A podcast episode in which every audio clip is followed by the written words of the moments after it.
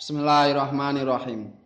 Wa syar'u takhfifatuhu tanqasimu sitata'an wa ain kama qadara samu takhfifu isqatin wa tanqisin yali takhfifu ibadalin wa taqdimin jali takhfifu ta'khirin wa tarkhisin wa qad takhfifu taghyirin yuzadu fal yu'ad. Bismillahirrahmanirrahim. Wa syar'u utawi syarak iku takhfifatuhu utawi pira-pira. Oleh ngentrengake syarak. Iku takhfifatuhu utawi pira-pira oleh ngentrengake syarak. Iku tangkosimu dadi kandum apa takhfifatuhu iku tangkosimu dadi kandum apa takhfifatuhu sitata anwain kelawan nem pira-pira werna. Sitata anwain kelawan nem pira-pira werna. Kama kaya katerangan.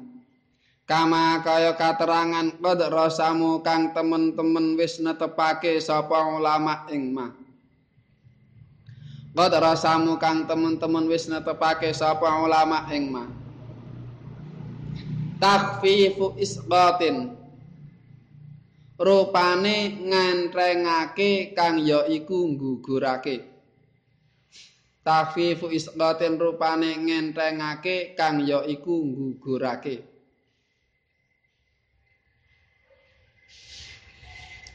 Watang pisin lan nyuda.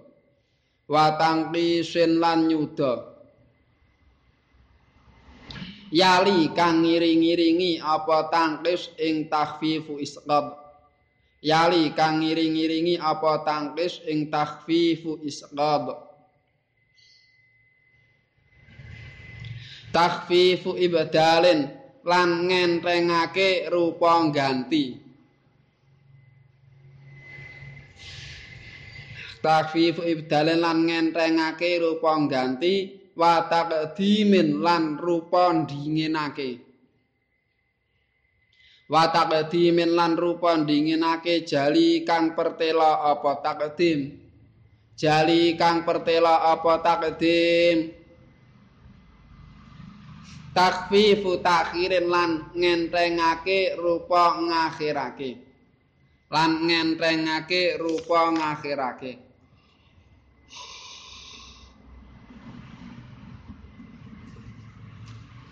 watarkhisen lan rupa murahake. Watarkhisen lan rupa murahake.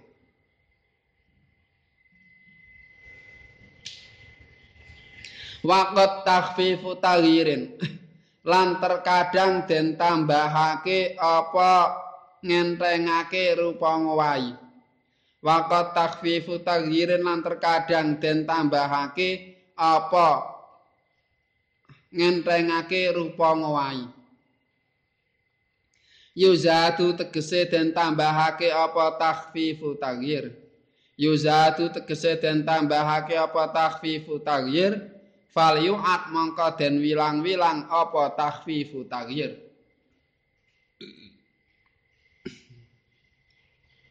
fal yu'at mongko den wilang-wilang apa takhfifu taghyir al murad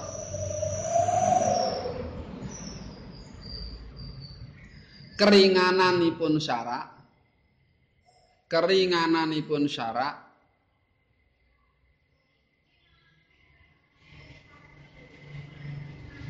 keringananipun syarak punika kandum.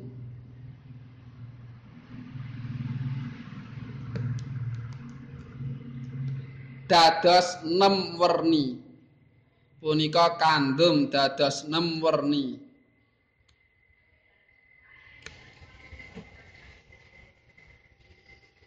Kados ingkang dipun dawuhaken kados ingkang dipun dawuhaken Syekh Izzuddin bin Abdi Salam Syekh Izzuddin bin Abdi Salam.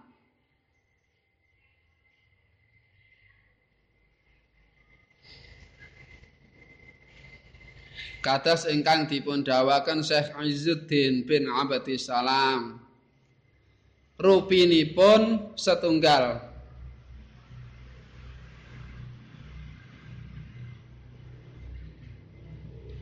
Takhfifu isqad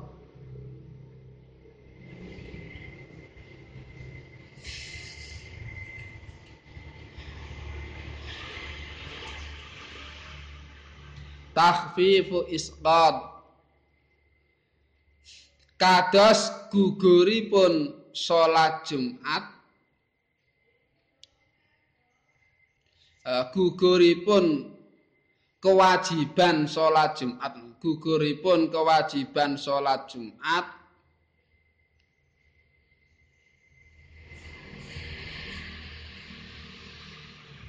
haji umrah.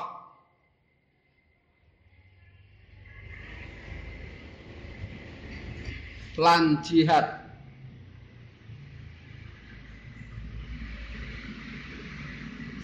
Lan jihad. Kranten wonten uzur. Kranten wonten uzur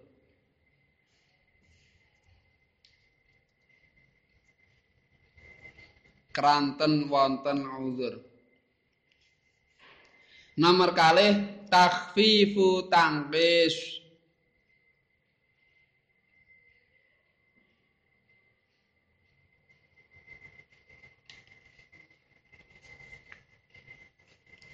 Tegesipun sudah saking kewajiban ingkang asli.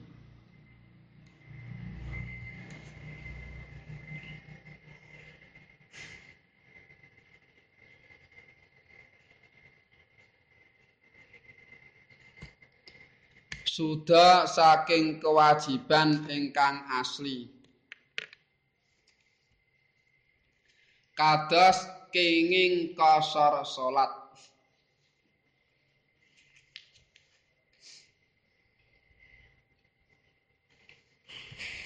Kados kenging kosor salat.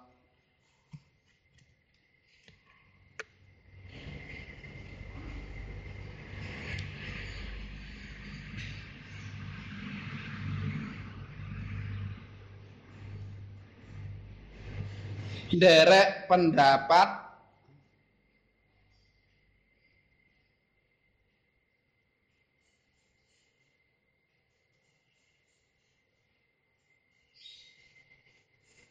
Ingkang dawuhaken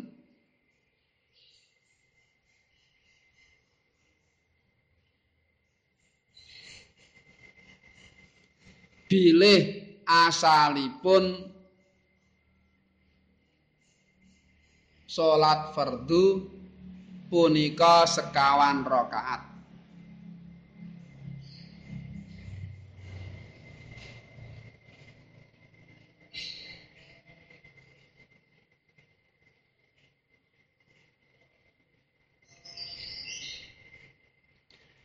Bile asalipun salat fardu punika sekawan rakaat. Nomor tiga, takhfifu ibdal. Takhfifu ibdal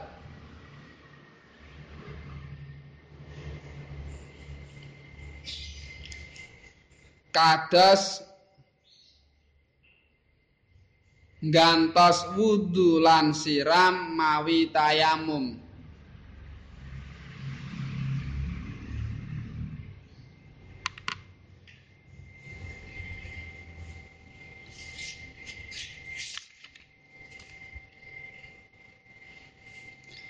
lan jumeneng wonten salat mawi lenggah.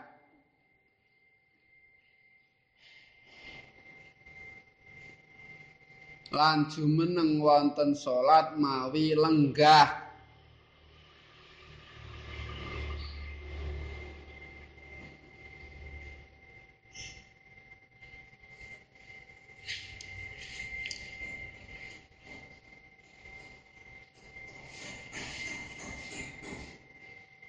lan gantos siam. Mawi fedia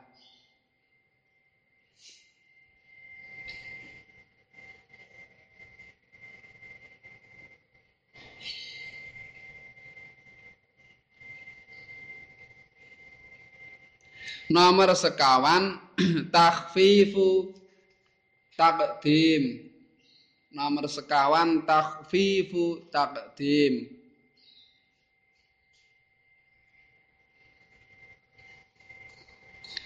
Takhfifu takdim. Kados jamak salat.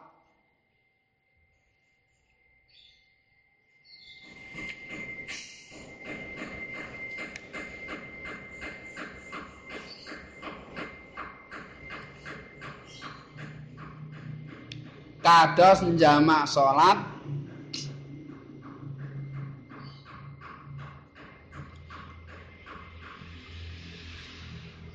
lan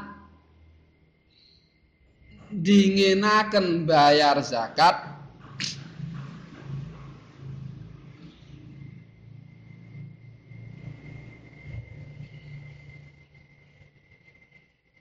Saderengipun haul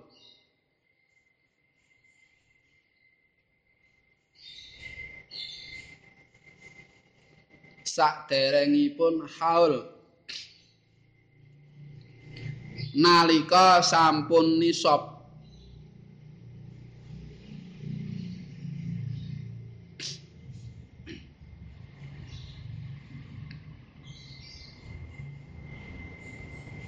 Lan zakat fitrah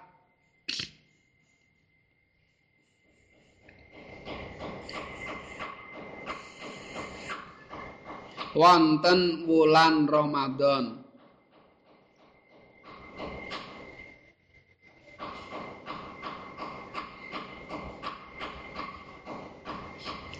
Nomor gangsal takhfifu takhir.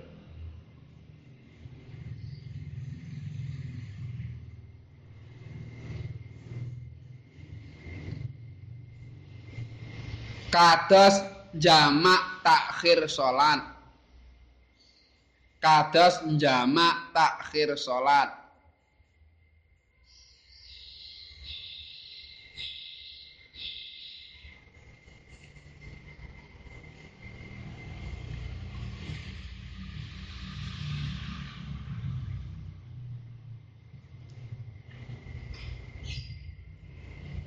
Lan ngakhiraken sak pok siam saking wancinipun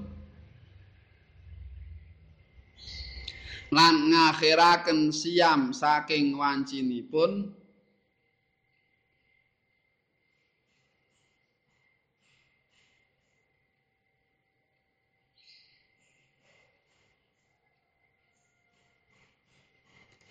kangge tiyang ingkang gerah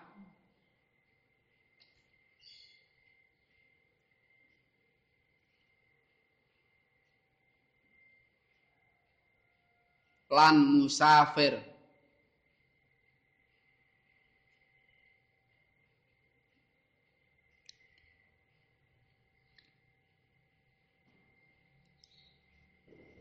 Lan kados ngakhiraken salat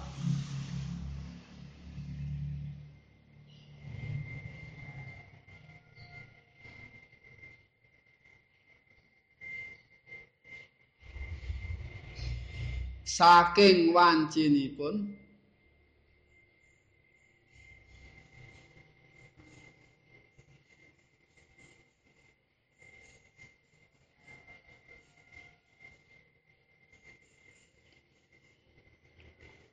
Kangge tiyang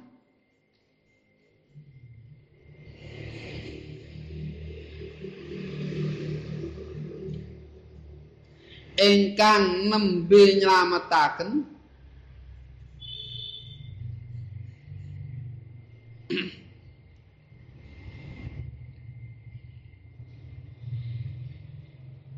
tiang kerem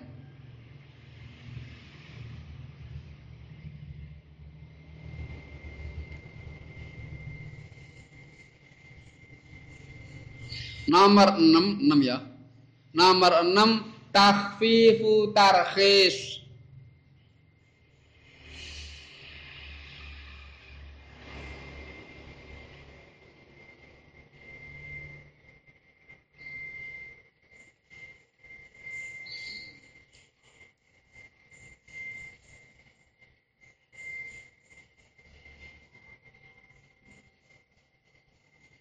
Tegesipun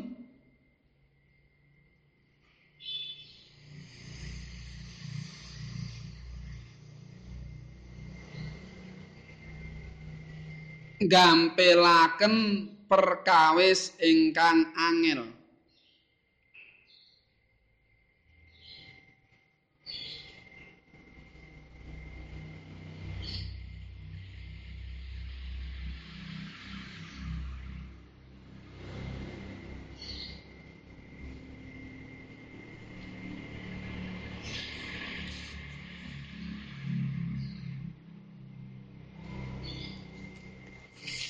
Kados kenging tetamba mawi perkawis najis.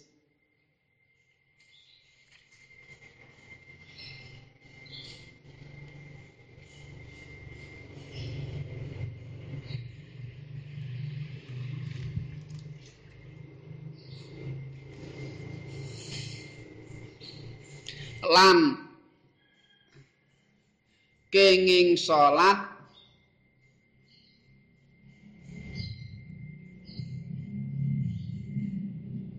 Kangge tiyang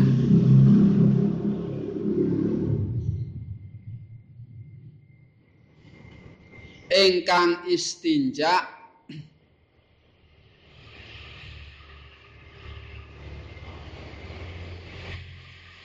mawi selo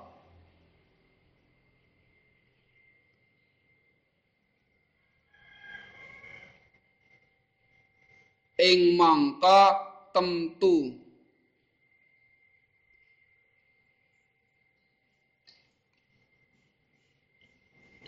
Tasih wonten labetipun najis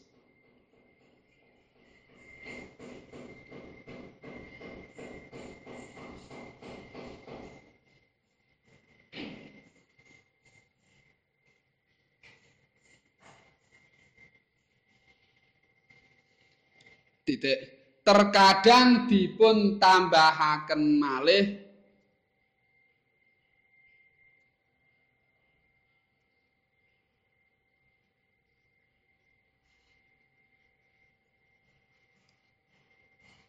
Takhfifu taghyir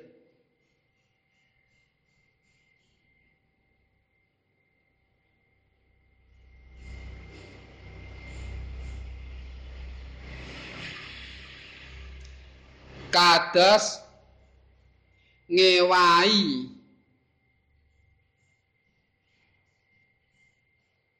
tata caranipun salat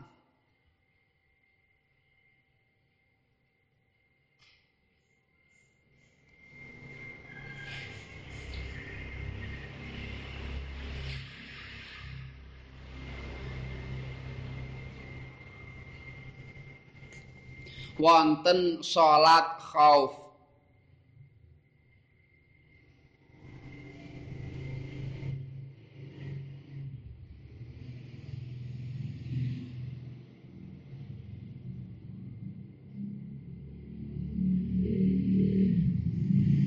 ingkang mekaten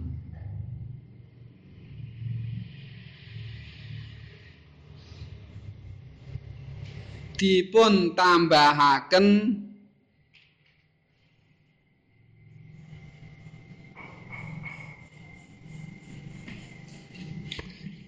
Imam Al-Ala'i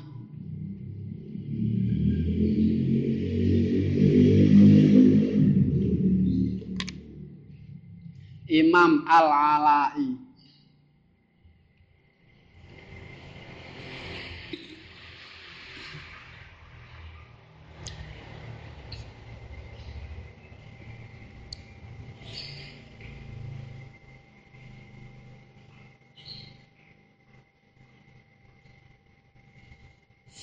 Imam Al-Alai titik. Bismillahirrahmanirrahim takhfifatu syar'i tangkosim wa syar'u takhfifatu tangkosimu sitataan wa in. Dadine keringanan sing ana ning nggon syara iku dibagi dadi 6 iki jane wis wis penak gampang dipaham. Bagi dadi 6 kaya sing didhawuhna dening Syekh Izzuddin bin Abdis. Salam. Nek nek bicara masalah kaidah fikih ra iso ucul saka Syekh Izzuddin bin Abdis Salam apa Izzuddin duwe kitab kawaid jenenge Qawaidul Kubra utawa Qawaidul Ahkam. Ana meneh Qawaidus Sura.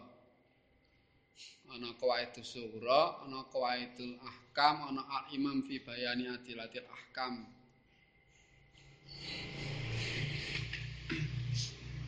Mula sering dinukil nek saya sithik bin Salam.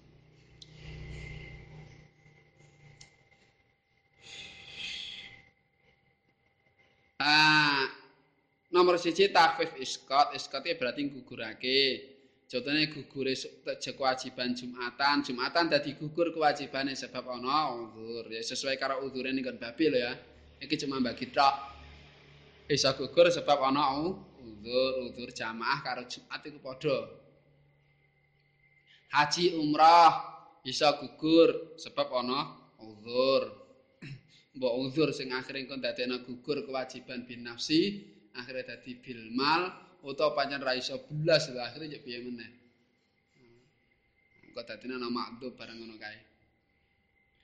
Terus ana meneh jihad jihad ya ya ya iso gugur kewajibane sebab ana ana uzur.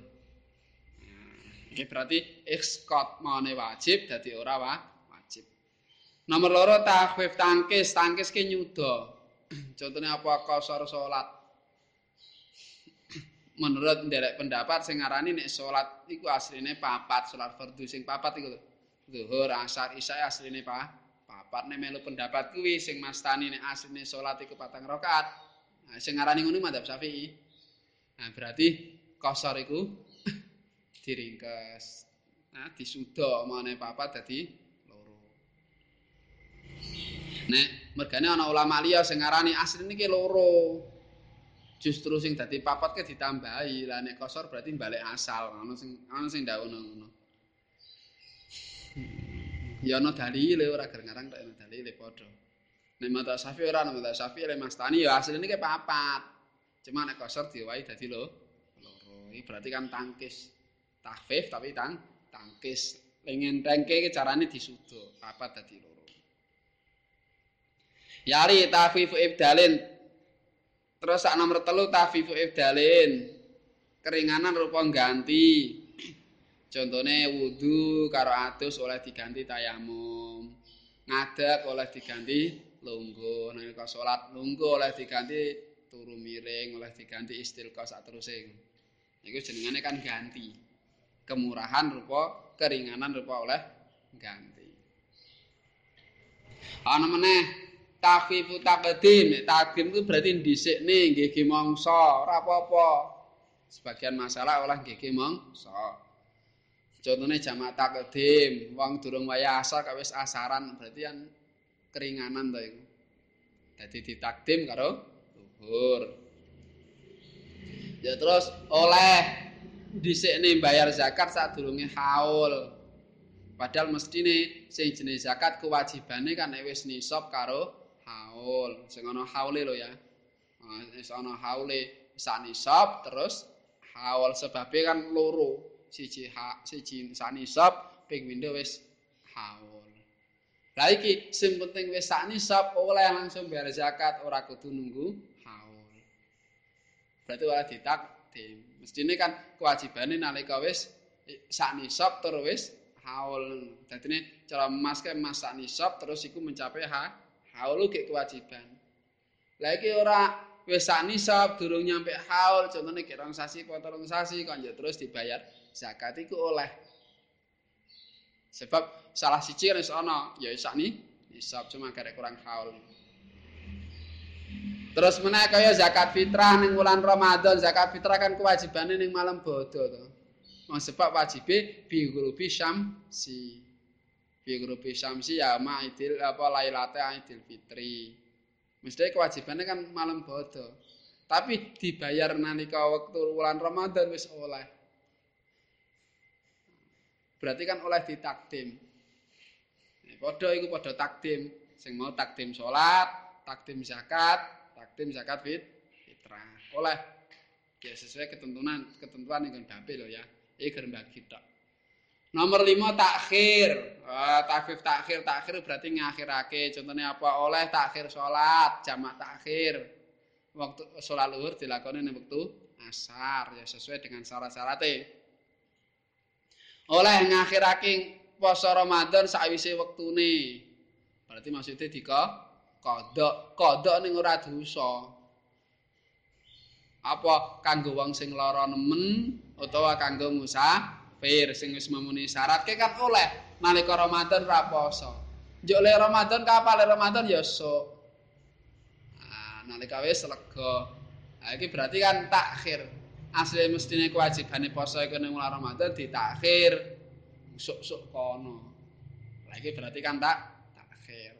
Nek kewajiban tetep kewajiban dhek, cuma kan takhir cara ngendi dika qada. Nalika lara utawa musafir ya lara sing lara sing mubihu tayamum, musafir sing uh, masafatul qasr itu. Uh, terus ana meneh oleh ngakhirake salat saka wektune kanggo wong sing gek ketungkul nulungi wong nyelametake wong. Wah, contohnya Arab sembiang waktu wis mepet lah kok malah ana wong kerem utawa wong kobongan. Iki ra oleh sembiang. Ora oleh kudu melayu nyelametne wong mau senajan akhire kok dadi kodok. Lagi kodok tapi oleh malah kudu e. Kodok malah oh.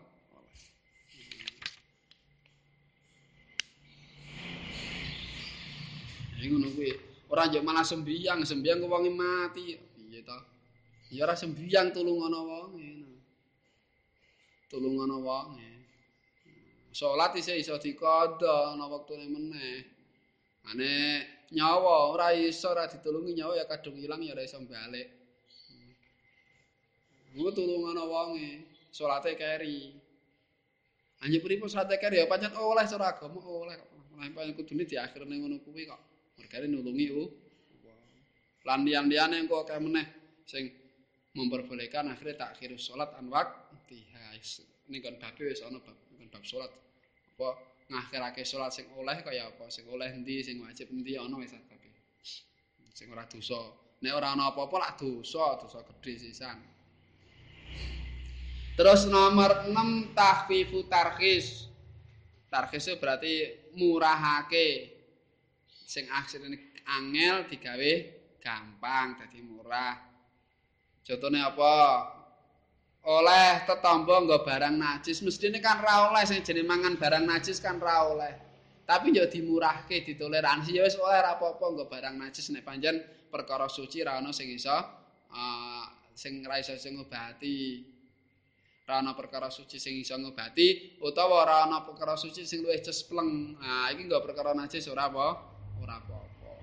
Tetombo mulai murah banget iku. Padahal tetombo iku ora wajib tapi sunat. Lah ngono ae oleh nggawa barang nah. Najis murah banget kuwi. Kaya wong lara tipes nggo cacing ngono kae to. Sapa nunggalane. Warna-warna. Ah, ya penyerana semulih cespem ya nggo kuwi ra apa-apa. Terus kaya sae salat wong sing istinja nggo watu peper. Padahal sing jenenge wong peper mesti ra resik, mesti isih ana turah turahane. Najan ngono salate tetep sae berarti kan dimurahne ngene iki ra apa-apa teko teko sembiang ra apa-apa. Eh kaya najis-najis sing makfuliyane kae lho. Ana getih, ana getih lemut barang kae. Jane kan ya ana ana najise kuwi. Klambine ana getih lemut ana najise. Tapi ra apa-apa teko sembiang ra apa-apa dimakful. Iki berarti kan tarhis. Asline angel dadi murah, dadi gampang. Nah, Terus terkadang ditambahke ke dene Imam Al-Ala'i nambahi siji meneh kurang iku apa tafif taghir. Nah, taghir apa taghir iku ngowahi. Contohnya apa salat khauf utawa salat sidatul khauf iku salate tetep sah padahal carane maleh. Nah salat khauf ngono kae ya tata carane maleh to kae. Ana papat tapi berarti. Tata carane maleh tapi tetep sah jamaah kaya ngono del ngono kae tetep sah. Ana jamaah kok sing kene meneng sing imame ngene ngene ngene. Ya kan ora padha aturane. Ane kan salat khauf lho dibagi dadi rong saf ngono kae kok sing siji jaga sing siji melu imam ngono kae to carane. Ane cara aturan jamaah kan wis ora kena ngono kae. Tapi iki diwahi ne kak khauf ora apa-apa ngono. Iku berarti dio wahi. Ane ngono cara Imam Alai ditambahi siji meneh iki jenenge takhfif ta Ya cara ulama liyane ya rasa tambahi ora apa-apa lebok-lebok nang kan ya kena mbok darani tarfis apa darani tangkis wae. Nih cara Imam Ala ya ora jelas, cara jelas tambahi sisan tafif ta tanghir iku ngono. Wis iki penal.